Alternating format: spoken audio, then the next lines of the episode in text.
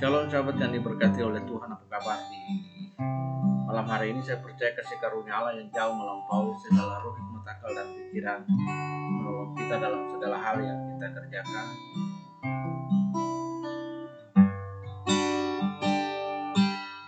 Kau sungguh indah tiada caranya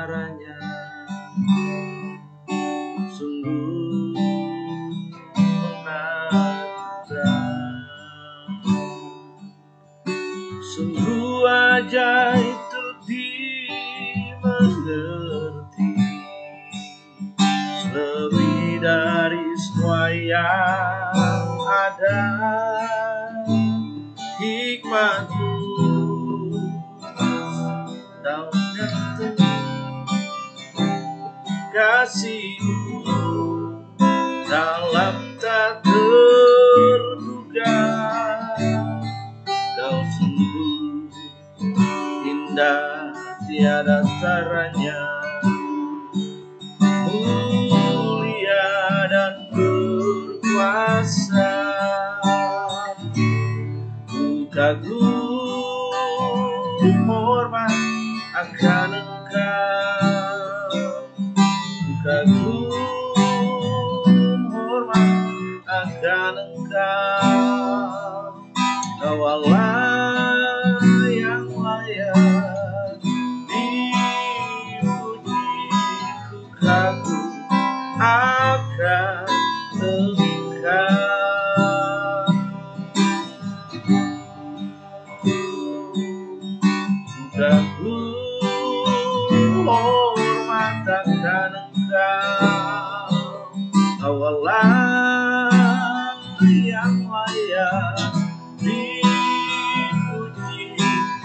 Ku kagum akan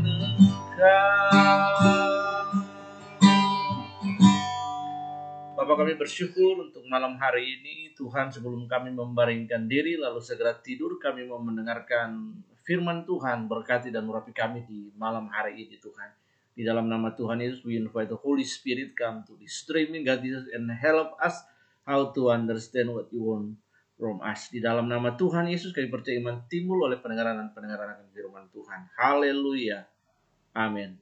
Nah sahabat yang diberkati oleh Tuhan Yesus, apa kabar di malam hari ini? Malam hari ini saya ingin uh, kita membagikan, saya ingin membagikan bagi kita satu topik yang memang uh, bagi saya itu menjadi sebuah fenomena Kristen ya di hari ini, sahabat yang diberkati oleh Tuhan. Nah malam hari ini sharing yang ingin saya bagikan adalah penderitaan menurut persepsi Alkitab dan berkatnya. Nah, sahabat yang diberkati oleh Tuhan, pada prinsipnya berkat dan penderitaan itu selalu ada dalam kehidupan kita. Pertanyaannya mengapa? Jawabannya juga sederhana sekali karena segala sesuatu ada waktunya. Kita dapat membacanya di dalam pengkhotbah pasal yang ketiga ayat yang pertama. Nah, sahabat yang diberkati oleh Tuhan, perspektif umum tentang berkat, kemudian perspektif umum tentang penderitaan dan perspektif Kristen terhadap berkat dan penderitaan itu perlu kita pahami sehingga kita punya world view, sudut pandang yang baik untuk melihat penderitaan dan berkatnya menurut persepsi Alkitab itu sendiri.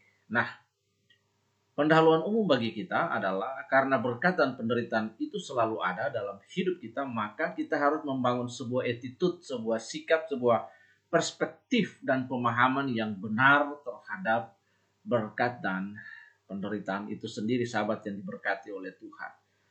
Pandangan umum bagi kita, pendahuluan umum bagi kita adalah bahwa jadi dengan iman kita berkata di balik penderitaan pasti ada berkat.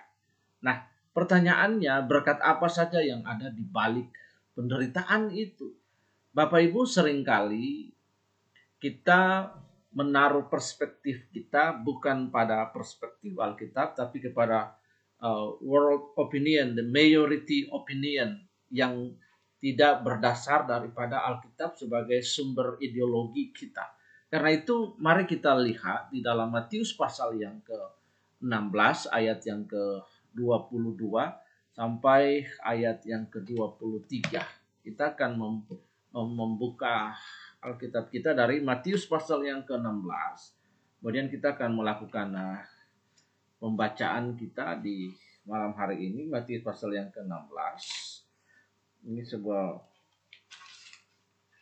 ya, kita akan lihat di sini ayat yang ke uh, 20 2 sampai 23. Di sini dikatakan bahwa tetapi Petrus menarik Yesus ke samping dan menegur dia. Katanya, Tuhan kiranya Allah menjauhkan hal itu. Hal itu sekali-kali takkan menimpa engkau. Maka Yesus berpaling dan berkata kepada Petrus, Enyala iblis, engkau suatu batu sandungan bagiku sebab engkau bukan memikirkan apa yang dipikirkan Allah, melainkan apa yang dipikirkan manusia. Nah, perikop di atasnya pemberitahuan tentang penderitaan Yesus dan syarat-syarat untuk uh, mengikuti dia. Memang Petrus telah meninggalkan segala sesuatu dan mengikuti Yesus. Kalau kita lihat ke belakang, kita melihat uh, when Jesus call Peter and his brother uh, untuk menjadi murid, Alkitab berkata they left everything behind them and follow Jesus. Nah, Bapak Ibu dalam konteks Matius ini perspektif kita, mari kita memperluas perspektif kita tentang uh, apa itu suffering, sufferings, uh, This night I want to teach for all of us how to enlarge our perspective uh, about the sufferings.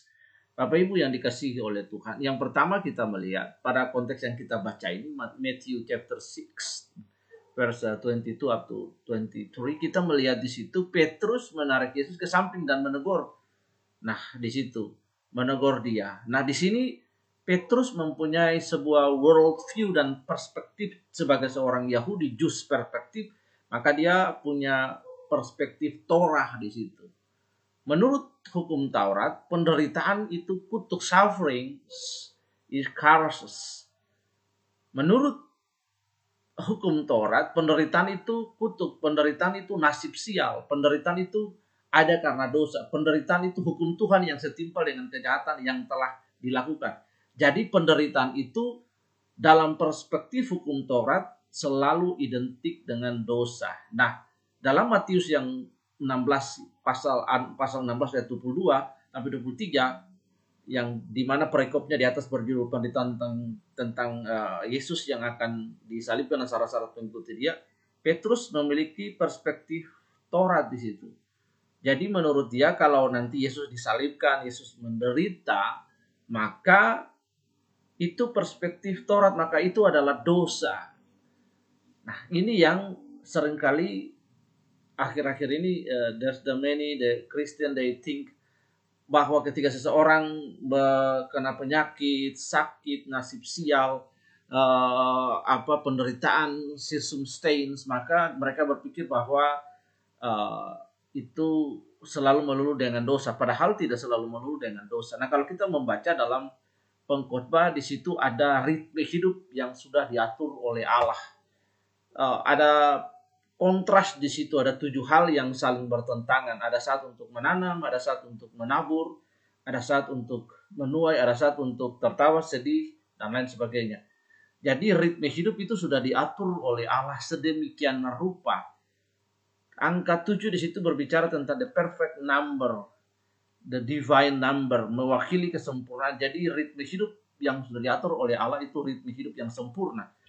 Karena itu kita harus memandang suffering dengan paradigma yang berbeda bahwa Roma 8 ayat 28 di dalam segala sesuatu Allah turut bekerja. Nah, ketika Ayub diperhadapkan dengan struggle, difficult season, sirsum stains, di situ kita melihat kemudian istrinya mengutuk dan istrinya tidak siap terhadap penderitaan yang akan dihadapi tapi Ayub berkata bahwa apakah yang baik kita hanya menerima dari Allah. Nah, Ayub punya perspektif yang baik pada awal-awal prosesnya. Bapak Ibu yang dikasihi oleh Tuhan sama dengan Petrus di sini, istri Ayub sama dengan Petrus yang berpikir bahwa uh, segala sesuatu yang dia alami, proses hidup yang dialami itu menurut perspektif Taurat. Karena itu hari ini kita melihat perspektif Petrus yang bersumber berdasar karena memang dia Jews, dia orang Yahudi, maka dia memiliki perspektif. Petrus berpikir tentang penderitaan Yesus dari perspektif hukum Taurat. Seringkali kita sama juga bukan? Kita sering berpikir bahwa ketika mengikuti Yesus eh, saya harus sukses, mengikuti Yesus saya harus berhasil, saya harus kaya, saya harus berlimpah. Nah, bahwa saya harus mengalami mujizat ini dan mujizat itu. Kita sering berpikir seperti Petrus. Setiap penderitaan selalu dihubungkan dengan dosa. Inilah model berpikir manusia pada umumnya. Inilah paradigma Petrus yang sering kali menjangkiti kita pada masa ini dan jadi kita lihat akhirnya orang Kristen tidak lagi melihat penderitaan, suffering, berbagai kesulitan hidup sebagai sebuah proses how to be teleios, how to be perfect, bagaimana penderitaan itu membawa kita untuk terus berjuang untuk menjadi sempurna di hadapan Allah. Nah, Bapak Ibu di sini kita melihat tadi paradigma Petrus, tetapi paradigma Yesus berbeda dengan paradigma Petrus. Yesus mengecam cara berpikir Petrus yang berdasarkan pada Torah itu. Petrus berpikir sangat sempit tentang penderitaan di mana Petrus mewakili cara berpikir orang banyak tentang penderitaan. Penderitaan tidak melulu karena dosa. Kita dapat membacanya dalam Yohanes pasal yang pertama, Yohanes pasal yang ke-9 ayat yang pertama sampai ayat yang ketiga. Ini baik sekali. Yohanes pasal yang ke-9, Bapak Ibu Saudara yang dikasihi oleh Tuhan. Yohanes pasal yang ke-9 ayat yang pertama sampai ayat yang ketiga. Kita uh, menemukannya. Kita akan membacanya di sini. Ya, Bapak Ibu Saudara yang dikasih oleh Tuhan.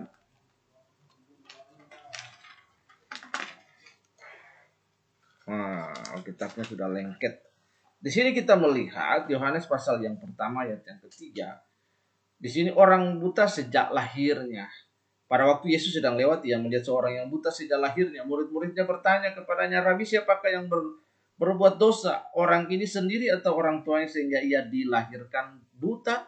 Jawab Yesus, bukan dia dan juga bukan orang tuanya, tetapi karena pekerjaan-pekerjaan Allah harus dinyatakan di dalam dia. Jadi suffering, sirsum stain, struggle yang kita hadapi, proses-proses hidup yang kita hadapi mungkin sakit bertahun-menahun dan tidak sembuh. Bukan berarti tidak sembuh lalu Allah kehilangan kedivinitasannya lalu mujizat telah berhenti tidak tetapi ada Bapak Ibu ada di situ pekerjaan-pekerjaan Allah yang harus dinyatakan di dalam hidup itu. Nah sering kali orang memah orang orang Kristen memahami bahwa ketika dia sakit dia harus menerima mujizat. Kalaupun kita sakit dan kita disembuhkan oleh Tuhan, mujizat itu adalah semeon signs or wonders, tanda kedivinitasan Allah di situ untuk menyatakan kuasanya. Tetapi kemudian kita tidak sembuh, di situ bukan berarti Allah kehilangan kedefinitasan bukan berarti mujizat itu berhenti. Tapi kalau kita masih terus bisa mempercayai Allah, tetap hidup, terus mempercayai Allah bahwa di dalam segala in everything Allah itu baik Bapak Ibu. Maka itu pun mujizat. Nah ini yang harus kita pahami. Tadi kita melihat paradigma Torah, kemudian paradigma Petrus, paradigma Yesus, kita melihat kemudian paradigma Yusuf.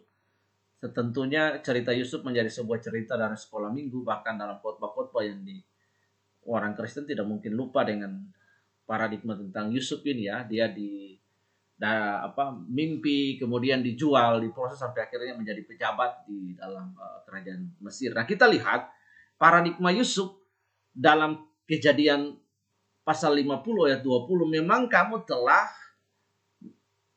memang kamu telah mereka-rekakan yang jahat terhadap aku, tetapi Allah telah mereka-rekakannya untuk kebaikan dengan maksud seperti yang terjadi sekarang ini, yaitu untuk memelihara hidup suatu bangsa. Yusuf punya paradigma yang luar biasa.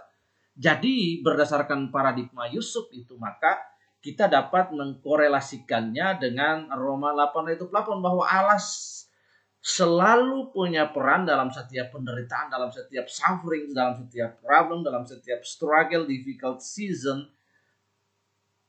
Allah selalu punya peran dalam setiap penderitaan kita karena sudut pandang Allah selalu dinyatakan dalam setiap proses kehidupan yang kita alami. Bapak Ibu yang dikasih Tuhan, is a very important things.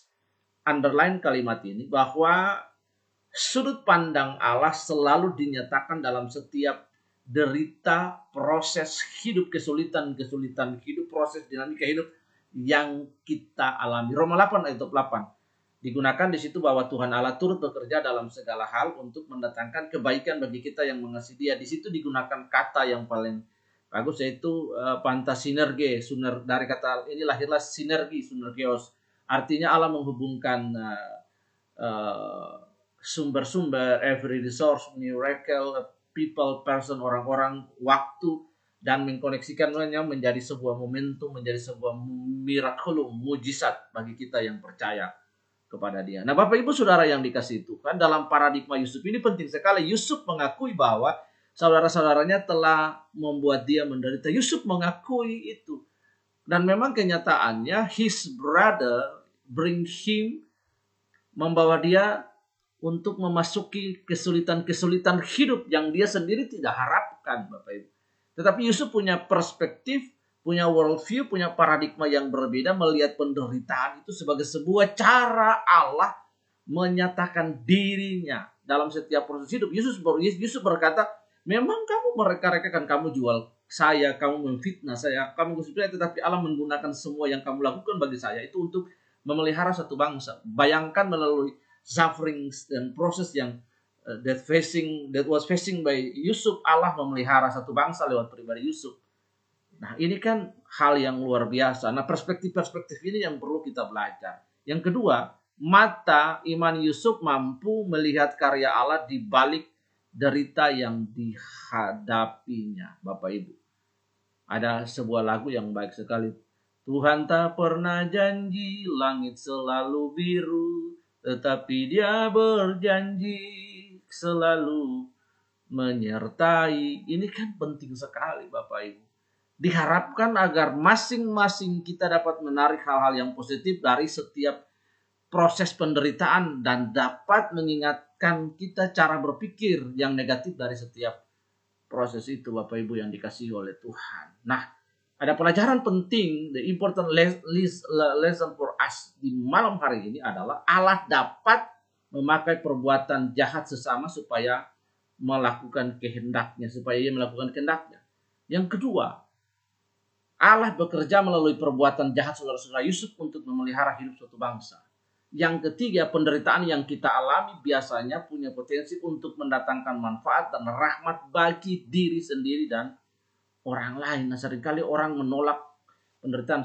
Suatu saat saya masih dalam pelayanan, masih pekerja di dalam sebuah gereja lokal yang besar dan kemudian saya diberikan kesempatan untuk berkhotbah dan saya waktu saat itu saya masih ingat sampai hari ini masih ingat tentang apa yang saya sampaikan saya khotbahkan dan saya masih ingat juga orang yang sama yang berdiri dan menentang saya apa yang saya sampaikan dan dia pun masih mengalami berbagai kesulitan-kesulitan hidup tetapi dalam sebuah kesaksian dia berkata bahwa proses dan kesulitan hidup membuat dia mampu bertumbuh dan mengenal Allah jauh lebih baik. Jadi dalam uh, pengalaman dan pengalaman itu saya khotbah itu ketika menjadi pengerja saya berkata welcome problem dan memang kesulitan hidup permasalahan hidup kesulitan hidup, problem tanpa diundang juga dia datang. Pagi hari kita bangun pagi, kita belum minum kopi karena gula habis dan itu persoalan. Atau kita belum uh, apa belum minum teh, belum minum kopi, jajan jajan habis, gula habis, kopi habis itu pun persoalan. Dan setiap saat kita menghadapi persoalan-persoalan hidup baik besar kecil uh, levelnya dan lain sebagainya, itu pun persoalan tanpa diundang setiap menit persoalan karena memang manusia lekat dengan persoalan. Nah, Bapak Ibu yang dikasih oleh Tuhan, ini yang paling penting sekali. Penderitaan yang kita alami biasanya punya potensi untuk mendatangkan manfaat dan rahmat bagi orang lain. Karena itu kita punya harus punya perspektif sama seperti Yusuf. Petrus menolak perspektif bahwa Yesus harus menderita. Tetapi dia dia tidak mengerti bahwa ketika Yesus mengalami suffering, memberikan dirinya as a living sacrifice, hang on on the cross, he died for all of us. Hidayah for whole the world, Bapak Ibu. Yang mati menebus dosa manusia. Karena begitu besar kasih Allah akan dunia ini sehingga dia mengurangkan yang tunggal supaya setiap kita yang percaya kepada yang tidak binasa akan memperoleh hidup yang kekal. Kita yang percaya Bapak Ibu memberi diri dan percaya mengaku bahwa Yesus anak Allah juru selamat. Nah ini. Karena itu penderitaan yang kita alami biasanya punya potensi untuk mendatangkan manfaat dan rahmat bagi orang lain. Nah, membuat kita, penderitaan itu juga membuat kita semakin intim dengan Allah. Lalu Yesus memanggil orang banyak dan muridnya dan berkata kepada mereka, setiap orang yang mau mengikut aku, ia harus menyangkal diri, memikul salib dan mengikuti aku. Proses pertama menyangkal diri itu sangat susah. Artinya menyangkal diri, mati bagi diri sendiri, mematikan diri sendiri. Nah, mematikan manusia diri sendiri untuk mematikan orang lain gampang tetapi mematikan diri sendiri itu sangat sulit sekali.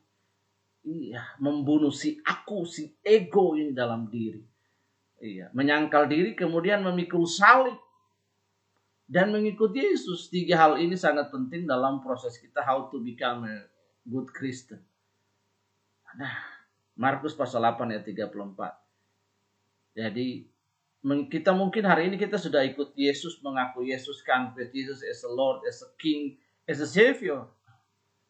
Tetapi pertanyaannya, apakah kita memikul salib?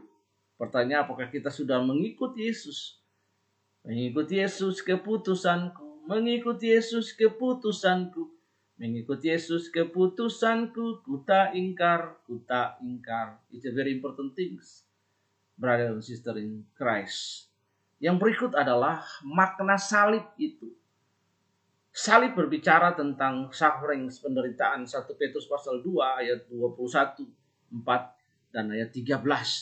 Salib juga berbicara tentang kematian. Kisah Rasul 10 ayat 39. Salib juga berbicara tentang kehinaan. Ibrani 12 ayat yang kedua. Salib juga berbicara tentang semua celaan, Salib berbicara tentang rejection, penolakan. Salib berbicara tentang penyangkalan diri. Ini penting sekali kita memahami makna salib. Crucified, laid behind the stone. Nah, sebuah lagu yang dinyanyikan oleh Michael W. Smith mengajar kita. You came from heaven to earth to show the way from the earth to the cross. My debt to pay from the cross to the grave, from the grave to the sky, Lord, I leave your name on high. Bapak Ibu, ini sangat penting sekali. Makna salib, penderitaan, kematian, keinahan, cemuan, penolakan, dan penyangkalan diri. Di atas kita memikul salib, apakah kita siap untuk menderita? Siap untuk mati, siap untuk dihina, cemooh, penolakan, dan penyangkalan diri. Banyak orang belum tentu siap buat hal ini, Bapak Ibu. Ikut Yesus udah gampang, udah sekedar kita cuap-cuap. Kita, oh ikut Yesus, kita percaya Yesus, kita mengaku Yesus. Tidak, sama sekali tidak seperti itu. Mengikuti Yesus sangat susah karena tiga hal ini. Bapak Ibu, sahabat yang dikasihi oleh Tuhan. Mengikuti Yesus, Bapak Ibu, sangat sulit sekali. Sangat sulit, sangat sulit untuk kita mengikuti Yesus. Tetapi ada empat hal penting yang ingin bagikan bagi kita, yaitu bahwa ada empat dimensi dan pergumulan-pergumulan hidup yang harus kita alami, Bapak Ibu. Kita bergumul seumur hidup melawan dosa dengan menyalipkan semua keinginan yang berdosa. Seseorang sampai dia mati pun dia tidak akan menjadi sempurna karena perjuangan perjuangan perjuangan untuk menjadi sempurna sangat sulit, bukan berarti tidak bisa tapi sangat sulit. Yang memberikan penilaian kita sempurna itu bukan orang lain, bukan bukan diri kita, tetapi Yesuslah yang akan memberi nilai bagaimana kita menjadi sempurna. Yesus berkata, jika engkau ingin sempurna, sempurna seperti Bapa dan kemudian murah hati seperti Bapa. Sempurna dan murah hati. Ini ada dalam proses salib. Yang kedua, kita bergumul dalam peperangan melawan iblis, kuasa kegelapan maupun penganiayaan dari dunia yang membenci Kristus. Dan memang kita harus siap menjadi opposite. Kita harus siap menjadi opposite-nya dunia. nilai kita berbeda, cara kita bernalar berbeda, world view kita berbeda. Pendapat kita, opini kita berbeda. Kita different. Kenapa? Karena ketika kita bertobat, kita metanoia. Dari proses dianoia menjadi metode. Kita adalah ciptaan yang baru di dalam Kristus yang lama sudah berlalu.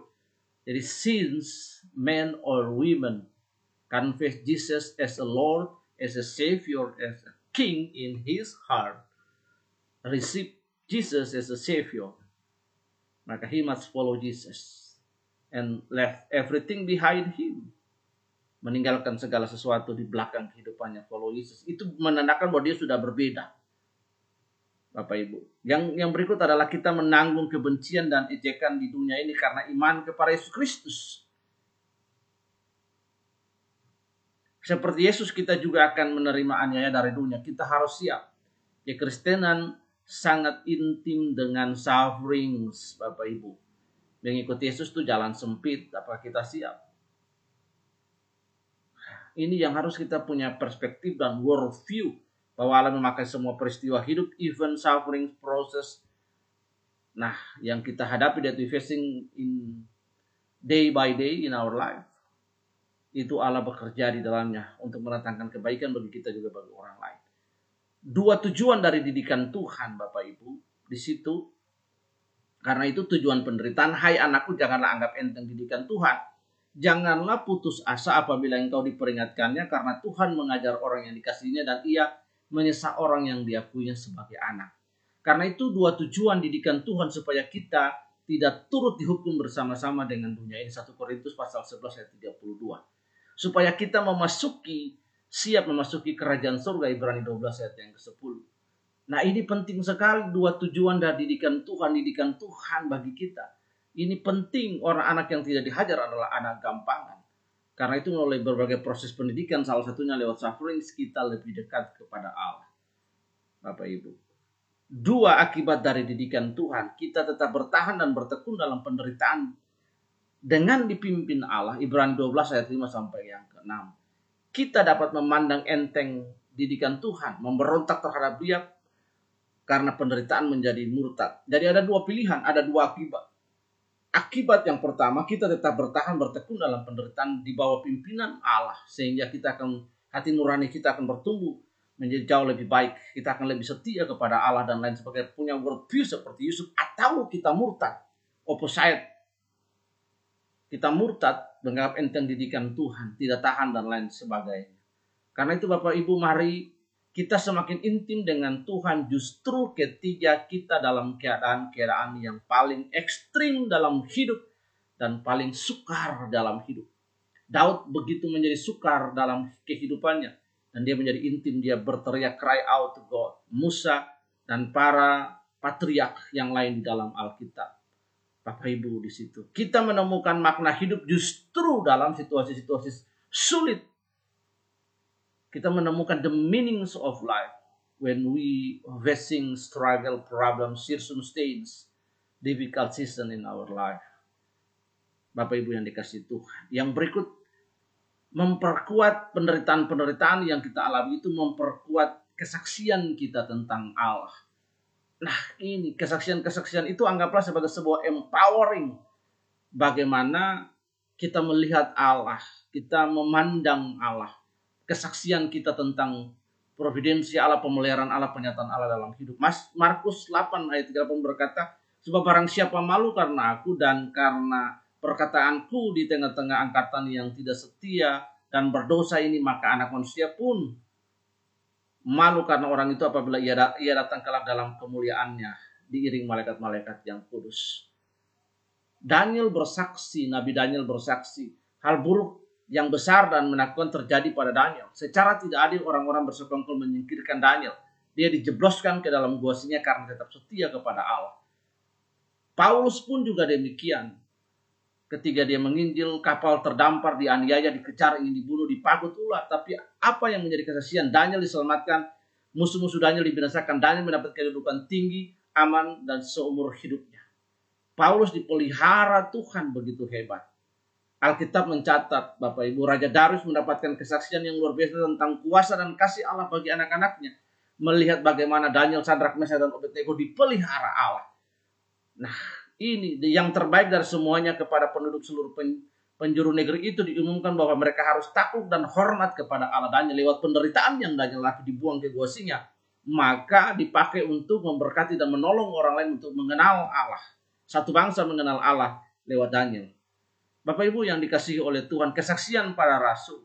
Rasul-rasul itu meninggalkan sidang mahkamah agama dengan gembira karena mereka telah dianggap layak menderita penghinaan oleh karena namanya layak menderita. Jadi kalau kita, Alkitab berkata kita belum sampai mencucurkan darah dan air mata kita hanya menghadapi hal-hal yang remeh temeh dalam hidup lalu kita bilang saya sudah menderita. No. Tidak sampai mencurkan darah Bapak Ibu. Bapak Ibu yang dikasih Tuhan. Karena itu Alkitab mencatat para murid konsisten dengan berita kes yang mereka saksikan. Terjadi peningkatan jumlah orang percaya lewat proses aniaya. Bapak Ibu yang dikasih Tuhan kesaksian jemaat mula-mula dan mereka disukai orang Tiap-tiap hari Tuhan menambahkan jumlah mereka dengan orang yang diselamatkan. Karena itu Alkitab mencatat ke mana saja mereka berpencar, mereka memberitakan Injil. Kesaksian mereka memiliki pengaruh rohani yang luar biasa. Kehadiran mereka diterima masyarakat luar tuh Tuhan memberi pertumbuhan. Karena itu pentingnya kesaksian kita. Dalam Markus 8 ayat 38 kita harus rajin bersaksi dan mengaku Yesus.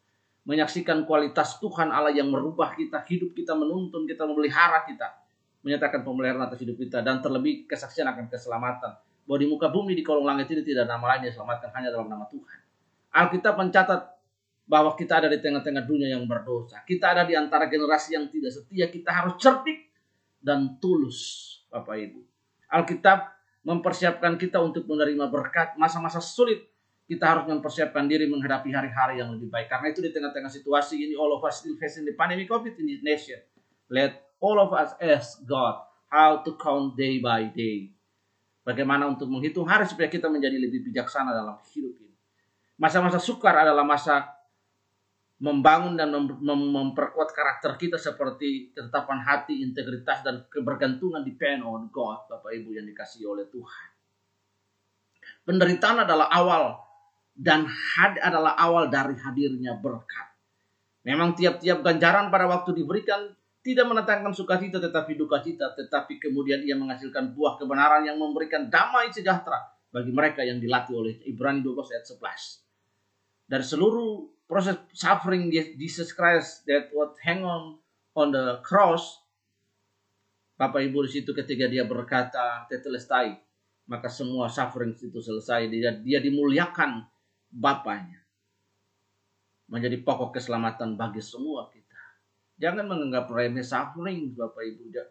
Jangan memiliki perspektif sama seperti Petrus yang menolak supaya Yesus jangan dianiaya dan jangan masuk ke dalam penderitaan. Yesus menolak apa yang menjadi perspektif Petrus.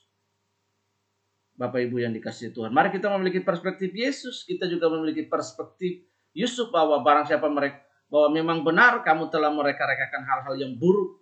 Kamu telah menjual saya, membuang saya, mengancam membunuh, mau mencoba membunuh. Tetapi Allah menggunakan semua itu untuk memelihara suatu bangsa untuk maksud dan kebaikan.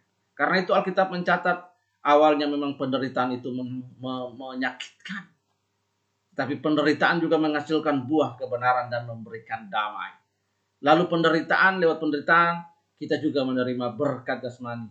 Lalu Tuhan memulihkan keadaan Ayub. God restore this kondisi the condition a sickness mentality of Job. So I believe this night there is no one can restore our situation better than God, brother and sister in Christ. Catatan penting bagi kita, Alkitab mendorong kita. Penderitaan itu tidak permanen. Tuhan sangat peduli kepada kita anak-anaknya. Tuhan pasti memulihkan keadaan kita. Karena itu Bapak Ibu Saudara yang dikasih oleh Tuhan Yesus. Berbahagialah orang yang bertahan dalam pencobaan. Sebab apabila ia sudah tahan uji, ia menerima mahkota kehidupan yang dijanjikan Allah kepada barang siapa yang mengasihi dia. Alkitab juga mencatat yang berbahagia bukan orang yang punya harta banyak. Yang berbahagia bukan orang yang punya jabatan. Yang berbahagia bukan orang yang punya nama populer. Yang berbahagialah orang yang bertahan dalam pencobaan dan penderitaan selama hidup di dunia ini. Orang yang menerima mahkota kehidupan dari Allah Bapa di surga. Tuhan Yesus memberkati kita di malam hari ini.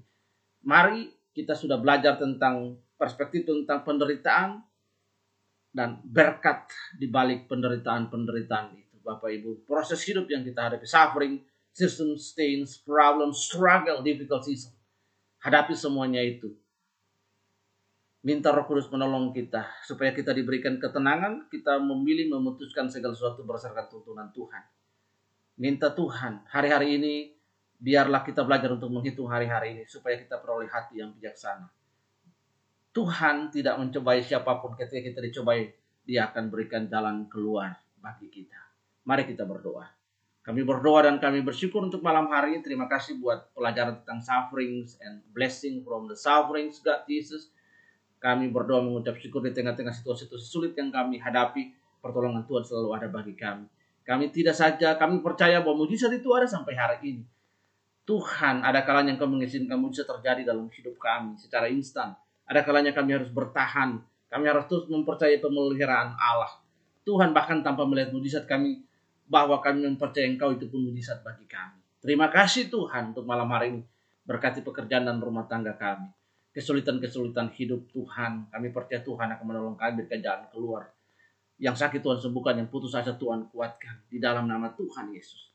Biarlah Engkau yang senantiasa mempesona hidup kami Engkau yang ada di hati, di pikiran kami dan lain. Bukan hal-hal lain yang mempesona kami, yang membuat kami wow dan kagum. But your personality Tuhan. Yang membuat kami selalu always awesome to you God Jesus. Di dalam nama Yesus, segala puji dan segala hormat bagi engkau. Kami mau memaringkan diri lalu segera tidur, kudus memelihara dan menjaga kami. Kami bangun pagi, beraktivitas melakukan pekerjaan-pekerjaan yang Tuhan sudah sediakan bagi kami. Di dalam nama Tuhan Yesus kami sudah berdoa dan bersyukur. Haleluya, haleluya. Amin. Nah sahabat, Tuhan memberkati. Sampai jumpa pada renungan yang berikutnya. Terus setia, cinta Tuhan, berbuah banyak di dalam segala hal. Tetap tinggal di dalam dia dan berbuah banyak. Itu yang dikehendaki oleh Tuhan. Hasilkanlah buah pertobatan. Tuhan memberkati